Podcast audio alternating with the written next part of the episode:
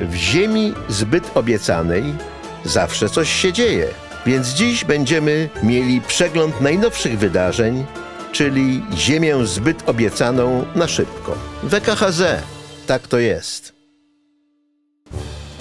Podcast Ziemia zbyt obiecana powstaje we współpracy z Fundacją Elnet, organizacją pozarządową, której celem jest pogłębianie relacji między Europą a Izraelem w oparciu o wspólne potrzeby i demokratyczne wartości. Rozprawa, jaka się odbyła przed izraelskim Sądem Najwyższym w miniony wtorek, to niewątpliwie nie tylko najważniejsza rozprawa sądowa w historii Izraela, ale w ogóle rozprawa, która przejdzie do historii prawa. Nigdy bowiem wcześniej na sali sądowej nie, deba nie, nie debatowano o samym fundamencie państwa prawa i o tym, co o nim stanowi. A taką właśnie kwestię musiał rozważyć izraelski Sąd Najwyższy w związku z petycją obywatelską, jaka doń wpłynęła, y, której sygnatariusze proszą, by sąd unieważnił przyjętą w lipcu przez Kneset ustawę zwalniającą rząd z przestrzegania wymogu roztropności w swoich decyzjach. Ta ustawa to część pakietu reform, które mają na celu całkowicie zlikwidować niezawisłość sądownictwa w Izraelu, ale to jest pierwsza ustawa z tego pakietu, która została e, przegłosowana i pierwsza, którą zaskarżono przed sądem.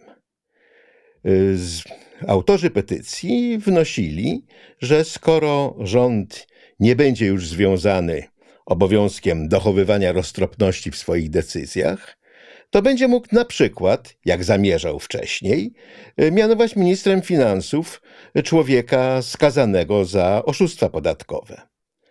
E, rzeczony polityk Ariederi zresztą właśnie niedawno powiedział, że on już w ogóle nie jest zainteresowany tym stanowiskiem. Tym niemniej e, rząd zamierzał go wcześniej mianować i tylko orzeczenie sądu, które stwierdzało, że taka nominacja stanowiłaby jaskrawe naruszenie zasady roztropności, e, powstrzymał rząd przed podjęciem tej decyzji. Argumenty zwolenników obalenia tej ustawy są więc dosyć jasne i oczywiste, ale nie mniej jasne i oczywiste są argumenty rządu. Rząd argumentował mianowicie, że po pierwsze, y, Sąd Najwyższy nie może wtrącać się w działalność legislacyjną, że to jest naruszenie e, równowagi władz i zamach na prawa suwerena, który w końcu tych posłów wybrał, a więc oni mają prawo przyjmować takie prawo, jakie chcą. Po drugie zaś, skoro ustawa o roztropności e, ogranicza prerogatywy Sądu Najwyższego, no bo skoro rząd jest zwolniony z obowiązku roztropności, to Sąd Najwyższy nie będzie mógł orzekać, że jakaś ustawa jest nieroztropna. Tym samym sędziowie Sądu Najwyższego nie powinni się w ogóle w tej sprawie wypowiadać, bo byliby sędziami we własnej sprawie. E, tak więc pole było otwarte dla fundamentalnego prawniczego starcia. I do tego jeszcze dochodził dodatkowy argument rządu, że skoro ustawa o znosząca wymóg roztropności była poprawką do jednej z ustaw zasadniczych, tej o e, ustroju państwa, to sama ma status ustawy zasadniczej, a Sąd Najwyższy nie ma prawa orzekać, czy ustawy e, zasadnicze są zgodne z konstytucją, czy nie, ponieważ to właśnie one stanowią konstytucję. E, stanowisko rządu przed sądem nie reprezentowała e, prokurator generalna, Gali Bachara-Miara, ponieważ uznała ona, że rząd nie ma racji w tej sprawie. E, odmówiła reprezentowania go przed sądem, ale zgodziła się, e, żeby e, rząd był reprezentowany przez wynajętego prawnika i rzeczywiście mecenas Bombach, jeden z najważniejszych izraelskich adwokatów, przedstawiał przed sądem stanowisko rządu. I uderzył od razu z grubej rury, stwierdził mianowicie, że sąd nie ma w ogóle prawa rozważać tej kwestii, no bo y, godzi ona w su, suwerenne uprawnienia legislatury, którą wybrał suweren, a więc sąd powinien po prostu odrzucić petycję i wycofać się z orzekania. Bo jakie, argumentował pan mecenas przed sądem, jakie ma prawo Sąd Najwyższy orzekać w sprawie ustaw, które przyjmuje Kneset?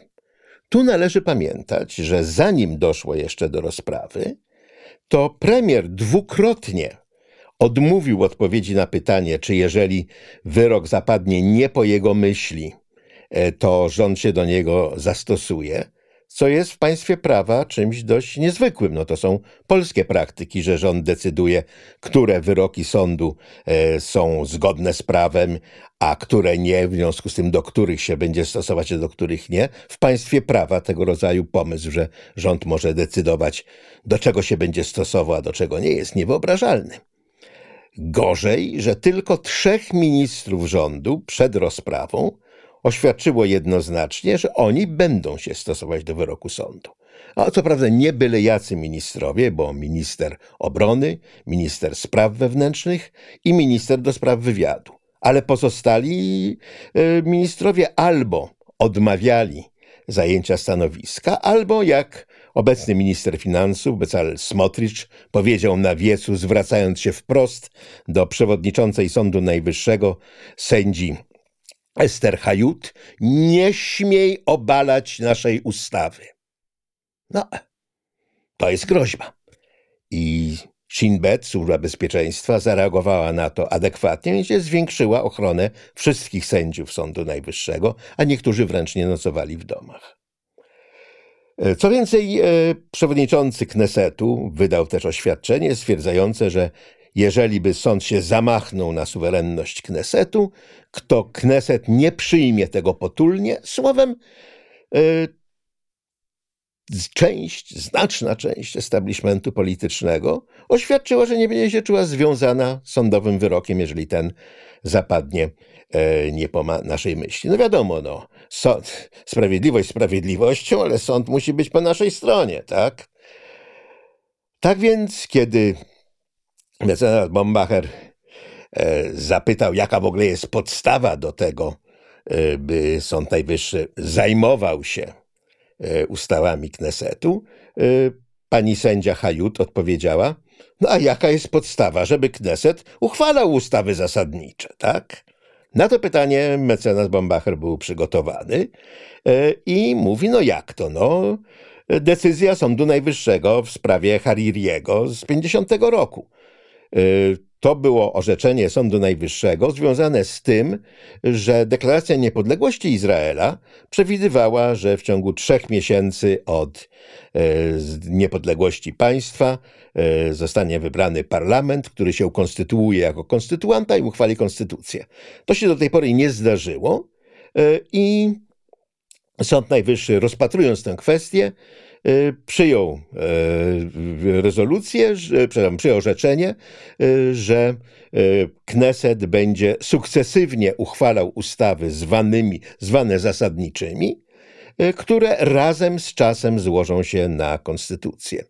No Izrael nie ma konstytucji po dziś dzień, a to dlatego, że Izraelczycy nie są w stanie się dogadać co do tego, jak powinna ta konstytucja brzmieć i to w kwestiach zupełnie fundamentalnych. No, świeccy nie dopuszczają pomysłu, że zamiast konstytucji miałoby być prawo religijne. E, ultraortodoksi nie dopuszczają pomysłu, że oprócz prawa religijnego jakieś inne prawo powinno być stosowane. I ten brak konstytucji jest takim kreatywnym kompromisem, który zadawala obie strony. E, I na tym polegała ta decyzja Harariego, na której e, wydana przez e, Sąd Najwyższy w roku 50, na którą się powołał słusznie pan mecenas, mówiąc skąd się bierze e, prawo Knesetu do uchwalania ustaw zasadniczych. No ale, rzekła niedobra pani sędzia, ta decyzja jest z 50 roku, a w oparciu o co Kneset uchwalał ustawy wcześniej. No i skoro pan mecenas tu się trochę zagubił, pani sędzia dodała, no w oparciu o deklarację niepodległości. I to zabolało, bo deklaracja niepodległości Izraela e, jednoznacznie określa, że Izrael jest państwem e, żydowskim, demokratycznym, w którym przestrzegane jest prawo. E, co prawda, i to jest interesujące, słowo demokracja w tekście deklaracji nie pada ale jest mowa o ochronie równych praw wszystkich obywateli, niezależnie od płci, wyznania, narodowości oraz o ochronie swobód religijnych, kulturalnych, edukacyjnych itd. Tak to razem składa się na to, co nazywamy demokracją. E, I tutaj pan mecenas zobaczył, jaka została na niego zastawiona pułapka.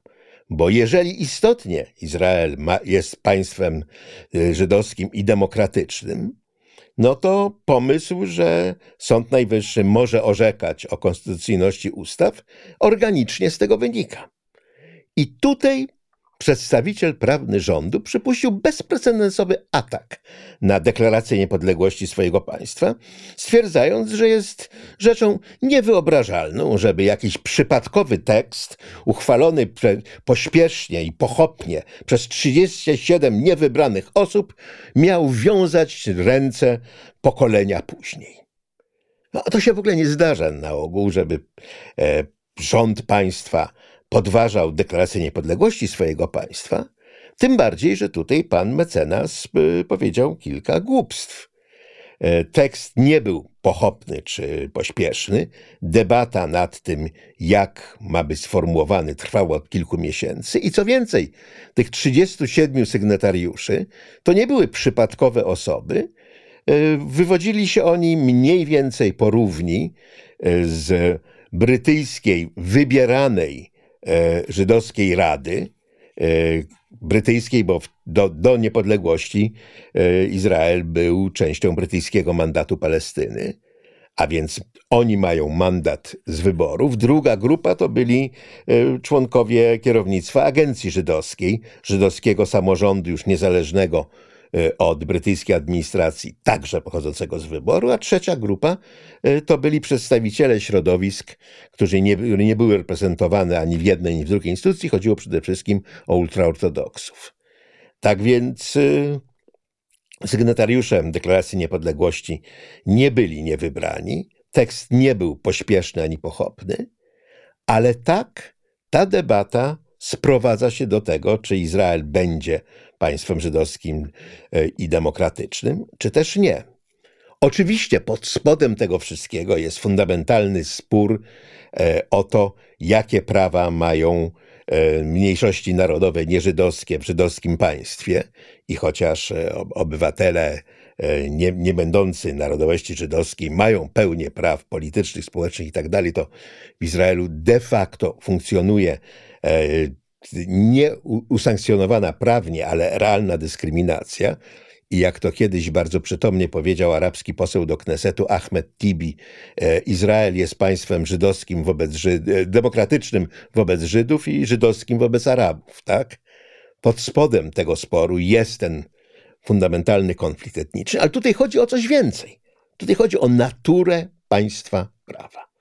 No i trzeba powiedzieć, że pani sędzia Hajut rozłożyła rząd na łopatki i teraz będzie trwało oczekiwanie na to, co Sąd Najwyższy orzeknie, a na, a na to poczekamy tygodnie, a może i miesiące.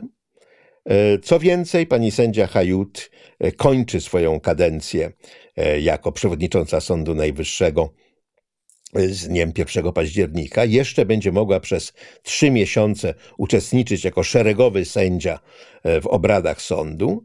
Nie jest jasne, kto będzie jej następcą. Do tej pory e, uformowała się norma, że e, stanowisko przewodniczącego Sądu Najwyższego przypada sędziemu z najdłuższym stażem.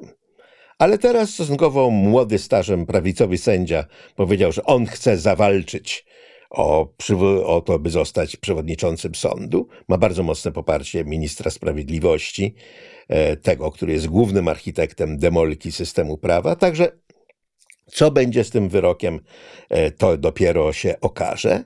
Ale już dzisiaj wiemy, że była to jedna z najważniejszych rozpraw, na, na pewno w historii Izraela, jedna z najważniejszych rozpraw sądowych w ogóle, jeśli chodzi o podstawy funkcjonowania państwa prawa. I chociaż kwestia konfliktu o niezawisłość sądów pozostaje nadal najważniejszą kwestią e, w Izraelu, to nie należy tracić z oczu rozmaitych innych być może wydawałoby się mniej ważnych wydarzeń, które także współkształcą, współkształtują teraźniejszość państwa. Zapowiedziano właśnie, że amerykański sekretarz stanu Blinken złoży w październiku wizytę w Jerozolimie, Ramalli i Riyadzie. A to pokazuje, że Amerykanie są zdeterminowani iść naprzód e, ze swoją inicjatywą doprowadzenia do normalizacji stosunków e, między Izraelem a Arabią Saudyjską, co oczywiście byłoby gigantycznym przełomem, mówiliśmy o tym e, we wcześniejszych podcastach, ale co nie mniej ważne, wiadomo, że Saudowie uzależniają tą normalizację stosunków od znaczących i nieodwracalnych ustępstw na rzecz Palestyńczyków, do których miałby się zobowiązać Izrael w formie prawnie obowiązującej. No, ta koalicja z faszyzującymi partiami żydowska potęga i religijny sionizm z całą pewnością na nic takiego się nie zgodzi. E, a więc jeżeli owa normalizacja rzeczywiście będzie miała miejsce, może to oznaczać nie tylko zwrot w międzynarodowych relacjach Izraela, ale także zwrot w wewnętrznej polityce kraju. A że Saudowie traktują rzecz poważnie, to wiemy z oświadczenia po odbyciu szczytu G20 w Indiach, gdzie zapowiedziano uruchomienie ogromnego nowego szlaku handlowego z Indii przez Ocean Indyjski do Zjednoczonych Emiratów, następnie koleją przez cały Półwysep Arabski i Izrael do Hajfy i następnie znowu morzem z Hajfy do Pireusu.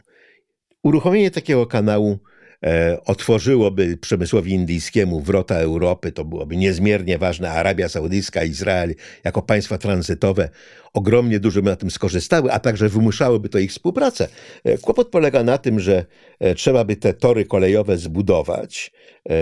Kolejnictwo w Jordanii, która leży między Arabią Saudyjską a Izraelem, jest w stanie opłakanym, a nawet w Izraelu E, linia kolejowa, z której by się korzystało, ta do Hajfy, no kończy się nie na granicy jordańskiej, tylko w Beit Shean. I o tym, że należy ją do granicy jordańskiej przedłużyć, mówi się od lat kilkunastu, no ni pół centymetra torów jeszcze nie położono. Ale tak czy inaczej, jest czego się spodziewać i jest w Izraelu także życie poza konfliktem między rządem a sądem, choć czasami trudno jest w to uwierzyć.